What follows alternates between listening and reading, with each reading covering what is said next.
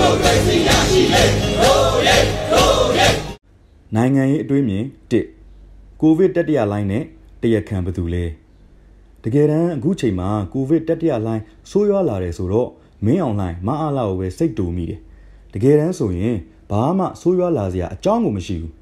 ဒေါ်အောင်ဆန်းစုကြည်အစိုးရဟာကိုဗစ်ပထမလှိုင်းကိုရောဒုတိယလှိုင်းကိုရောတီတီငြိမ်ငြိမ်နဲ့ကြော်လွှားနိုင်ခဲ့တယ်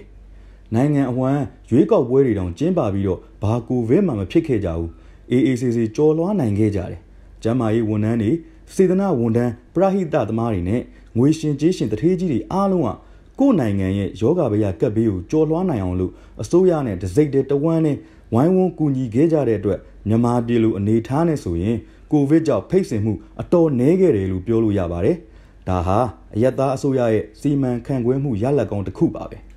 ။အခု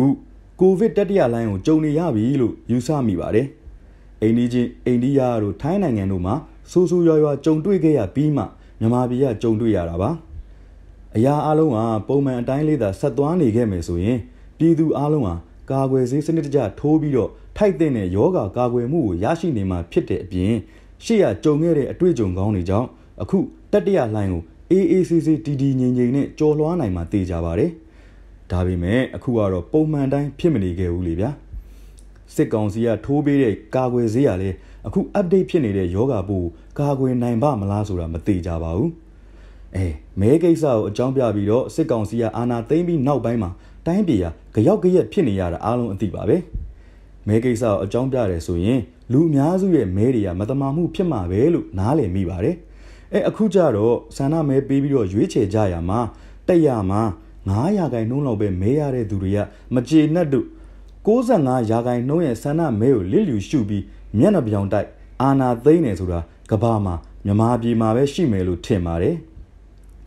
65ရာခိုင်နှုန်းမဲဆန္ဒရှင်တွေကသာအာနာသိမ့်စေချင်တာဆိုရင်အခုလက်ရှိမြန်မာပြည်ဟာအခုလိုအနေအထားဖြစ်နေမှာမဟုတ်ပါဘူးမယုံရင်ပြည်သူတွေလက်ထဲအာနာပြန်အပ်ကြည့်လိုက်ပါလားအရာအလုံးကိုပုံမှန်တိုင်းပြန်ဖြစ်အောင်အမြန်ဆုံးစူးစမ်းဆောင်ရွက်ပေးနိုင်ပါတယ် အခုကြတော့ဗျာပညာမဲ့တဲ့အောက်တန်းစား900ခိုင်နှုန်းလောက်ရဲ့အကျိုးစီးပွားအတက်နဲ့ကြံတဲ့65ရာခိုင်နှုန်းသောပြည်သူတွေဟာဒုက္ခတွေရောက်နေကြရပါတယ်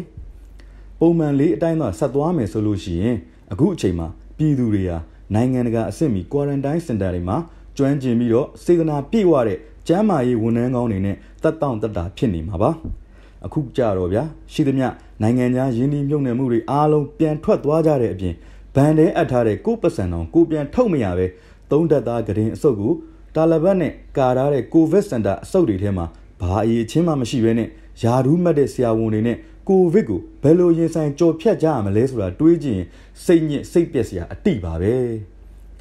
လူအများကြီးကိုတနက်နဲ့ပြစ်ပြီးသေသေးခဲ့တဲ့အပြင်အခုလိုမျိုးကျမ်းမာရေးစောင့်ရှောက်မှုကြာကြာနတ်နတ်မပေးနိုင်ပဲအစိုးရနေရာကိုချုပ်ကင်ထားခြင်းရလဲလူမျိုးသုံးတပ်ဖြတ်မှုတစ်ခုပဲဖြစ်ပါတယ်